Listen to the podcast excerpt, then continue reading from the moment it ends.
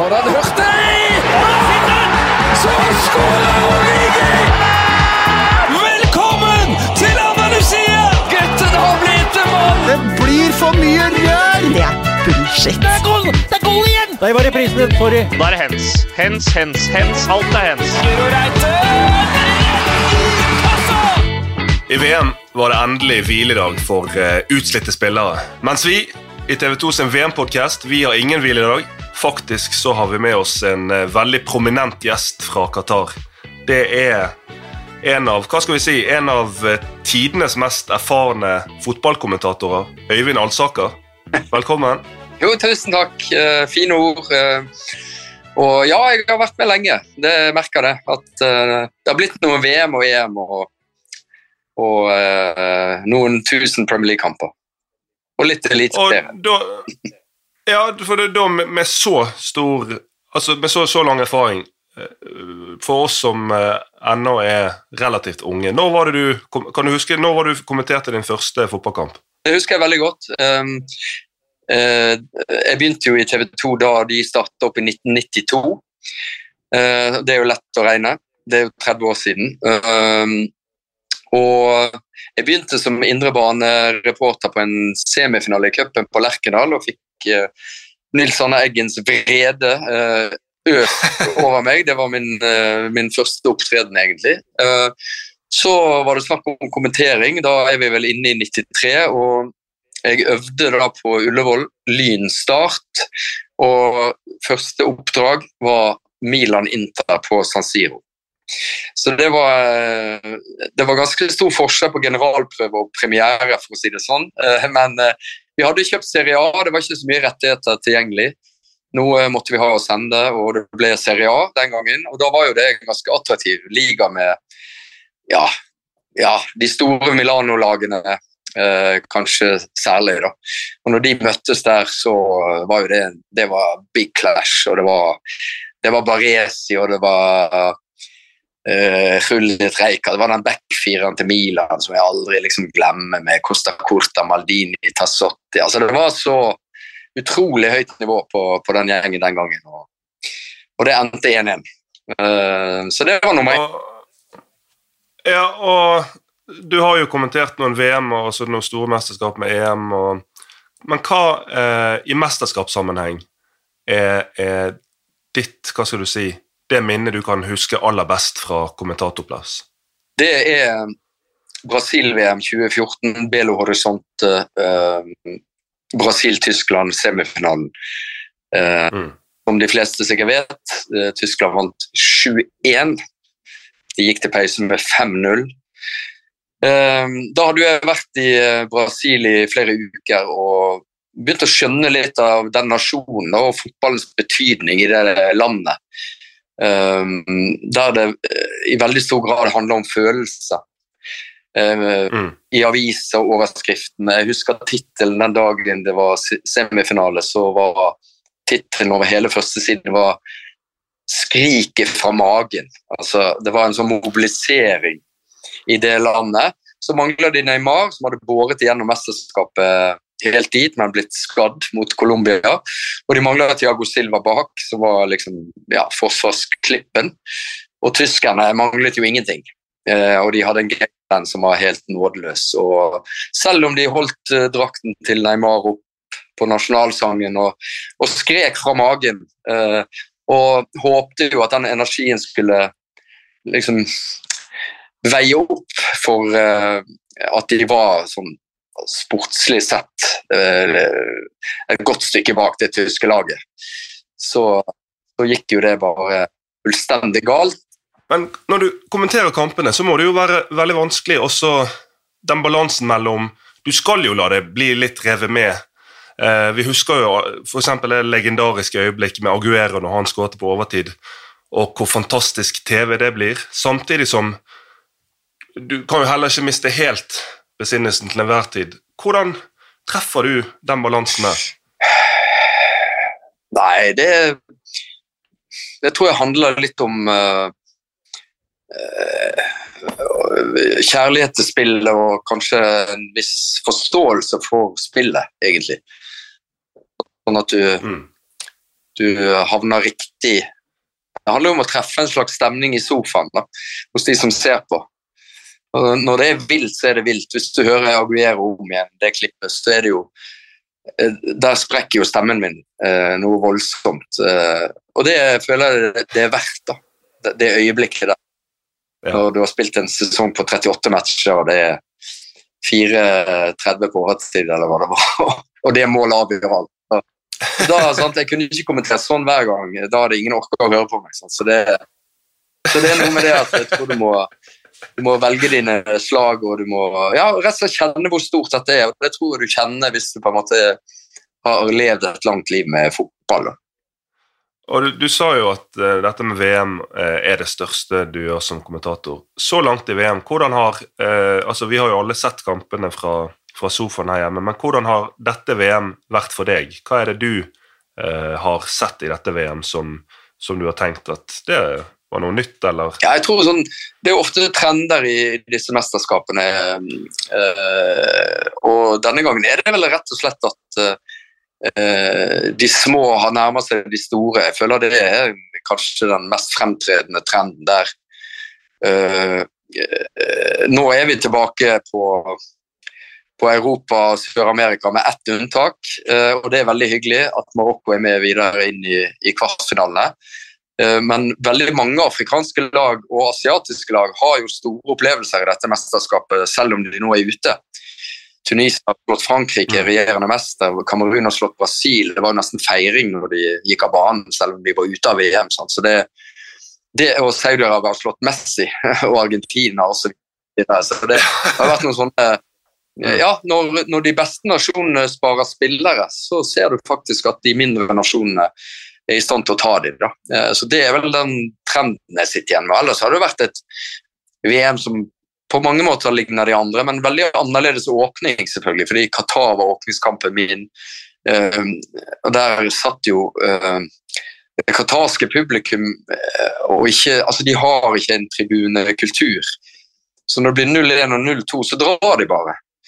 Da er det viktig å slippe bilkø og bare komme altså, Stadion tømtes på VMs åpningsdag. Det var jo uh, bisart, egentlig. Å, føre opp. Ja, det, jeg skulle til, akkurat til å si bisart var det jeg satt og tenkte på. Men nå er det jo sånn, eh, sånn som du beskriver det. Vi har fått noen overraskelser i gruppespillet, og så føler jeg når vi kom over i sluttspillsfasen, åttendedelsfinalen, så har alt gått som eh, Ikke som planlagt, men som man kunne spådd. Favorittene er videre, med unntak av Marokko. Hvis vi ser frem til, eh, ser frem til disse kvartfinalene Det er jo noen formidable kamper som ligger og venter oss. Hva er dine forventninger til, eh, til kvartfinalene og til de lagene som skal spille der, ut ifra det du har sett av de så langt? nei, det er jo, uh, England og Frankrike er jo to lag som har imponert, vil jeg si. Selv om eh, det har vært eh, eh, ja, hva skal du si kjedelige perioder i, i kampene de har spilt, så har de eh, vist en sånn mesterskapsegenskap, om du vil, som, er, som uh, gjør inntrykk på meg. Altså, der det bare plutselig smeller, der toppnivået slår inn og motstanderen ligger hjelpeløst tilbake. Da. Det fikk både Polen Mm. og Senegal eh, merke. Uh, Brasil, som danser seg inn i kvarten. Uh, ja, det er jo et Brasil-lag som, som minner om det jeg ble glad i på 80-tallet. som ikke vant noe. Ja, Det var akkurat det samme Petter sa når han var med for noen det, det var jo typene den gangen i gul drakt. Zico, Sokrates, Eder osv. Falcao. De typene er jo i dette Brasil-laget òg. Så det er en miks der av eh, Som alltid er en evig deba debatt i, i Brasil, er jo dette skal vi spille Jogo Bonito, eller skal vi være eh, liksom harde og tøffe, som litt à la 94-laget, kyniske. Eh, nå er jo, føler jeg den miksen er helt optimal i det laget. Så, så de, de er jo store favoritter, egentlig. da. Så har Messi Ja, de er favoritter mot Kroatia. ja, ja, og, og jeg vil jo si også at Portugal er store favoritter mot Marokko, gitt at det var ekstraomganger og gitt at Ja. det er noe med tyngdekraft og gravitasjon altså, i disse mesterskapene. Så um, jeg er veldig trygg på at Portugal går videre, og at Brasil gjør det samme. Eh, Hvis vi bare Kort på Ja. Portugal der. Eh, Det har vært mye snakk om Ronaldo. Nå kommer altså hans, hans erstatter eh, Ramos inn og Mm. gjør hat trick. Og det virker som, det virker som om For vi snakket jo om eh, før dette VM at det var the last dance for Messi og Ronaldo. Men mesterskapet har jo tatt to veldig veldig forskjellige eh, retninger for de to. For Ronaldo er jo dette i ferd med å bli en eller annen form for type mareritt. Eh, ja, eh, men laget han er kaptein for, er altså videre til kvartfinale. og mm, Det kan bli Messi-Ronaldo i en episk finale her nede. Eh, Det kan det. Um, så ja, han ble vraket av Santos. Det viser seg å være et veldig godt valg. Han tok ut et lag som løp Sveits i senk. Han introduserte verden for en 21-åring som bare viste enorme ferdigheter og kvaliteter. Men det er ikke sikkert mot et veldig gjerrig Marokko-lag at han eh, eh, kan skinne på samme måte. Ikke engang sikkert han starter. Kanskje Ronaldo er mannen i en sånn kamp, der det skal pumpes mye eh, innlegg, kanskje, og du trenger Så du er ikke villig til å avskrive Ronaldo? Nei, det er jo lett å gjøre det, men nei, det er jeg overhodet ikke. Uh, han kan komme inn, og Nei. han setter Jeg har gått gjennom straffekonkstatistikken til Portugal før gårsdagen, og der er det mange straffekonker. Uh, men én fellesnevner det er at Ronaldo har skåret. Og vi kan gå langt tilbake i tid, så han er jo et veldig sikkert kort der, f.eks. Dette er jo marginenes turnering herfra og inn. Så jeg avskriver ikke han på noen måte ennå. Det vil være dumt, tror jeg. Eh, han er ikke den spilleren han eh, har vært. Han sliter med det faktum. Eh, men han har jo oppført seg. Han oppførte seg jo i går. Jeg tror det handler om én ting og én ting alene, og det er at han vil skrive mer historie. Han er allerede den eneste som har gjort mål i fem VM. Hvis han vinner VM, så har han EM og VM-gull. Og da har han en på Messi, som Messi sannsynligvis aldri får tatt igjen. Så eh, nei, her tror jeg det er mye og Hvis de klarer å håndtere den, det enorme egoet hans i den gruppa Jeg syns intervjuene de gir eh, i etterkant er veldig bra, både Santos og Bruno Fernandes, som virker som de håndterer denne krevende situasjonen veldig godt. Hvis de klarer det, så er ikke det mm, umulig at eh, Cristiano Ronaldo får spille en hovedrolle igjen i dette VM. Og hvordan, eh, fra kommentatorplass igjen, hvis vi forestiller oss en finale mellom eh, Messi og Ronaldo, Portugal og Argentina da, hvor, Du er jo en som er veldig flink til å tegne opp de store bildene før kampene og Ja. underveis. Hvordan ville du angrepet en sånn finale? Nei, det hadde jeg nok eh, sikkert trengt litt tid på å forberede, og brukt mye tid på å forberede. Men eh, det første som slår meg, er jo at det er på en måte er eh, det, det er the end of an era, da.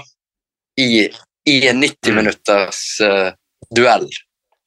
Det er jo Altså, det er en sånn fantastisk historie at det er nesten Det er nesten eh, uten sidestykke. Så det, det ville handlet veldig mye om de to, da, og med rette, egentlig. Og ja øh, De har vært Jeg begynner allerede å få gåsehud når du beskriver Ja, men det. det, tenk på det, da.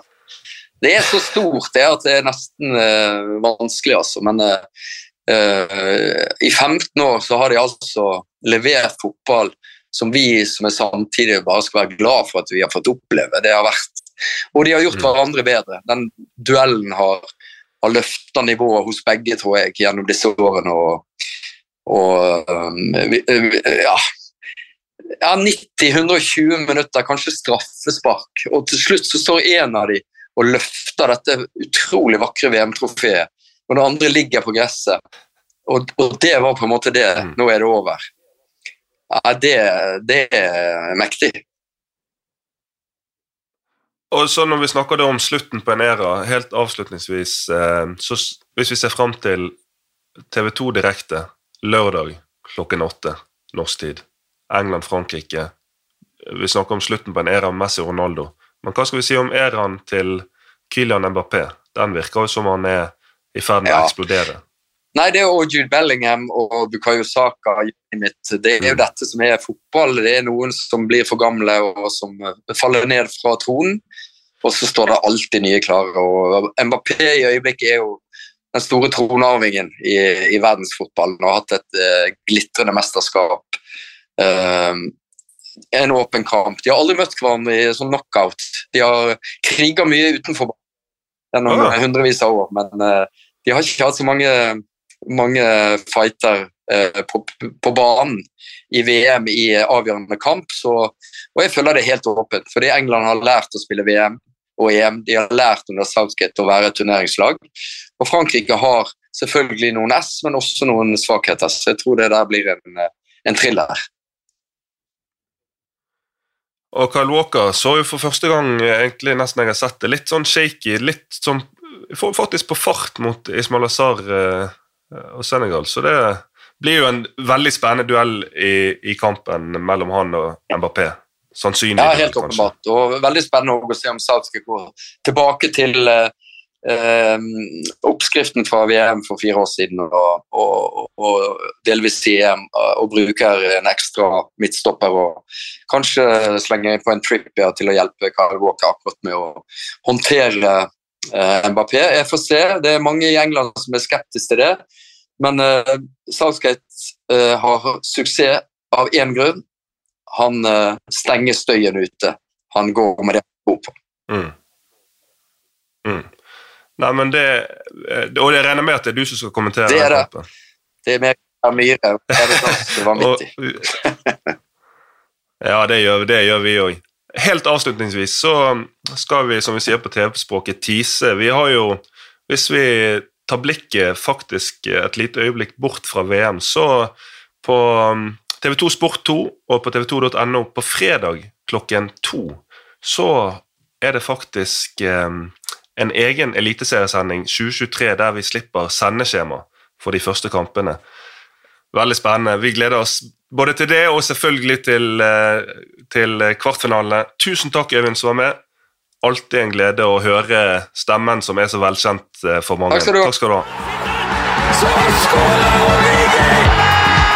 Velkommen til Andalusia! Gutten har blitt en mann! Det blir for mye rør! Det er bullshit. Det er goal! Det er goal igjen! Der var reprisen. Sorry. Da er det hens. Hens, hens, hens. Alt er hens. Guro Reite!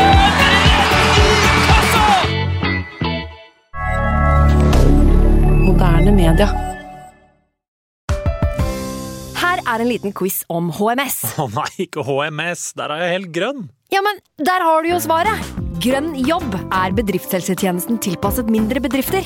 Våre HMS-eksperter hjelper mer enn 8000 bedrifter over hele Norge med alt fra lovpålagte HMS-krav til pålegg fra Arbeidstilsynet. Få på plass bedriftshelsetjeneste på grønnjobb.no.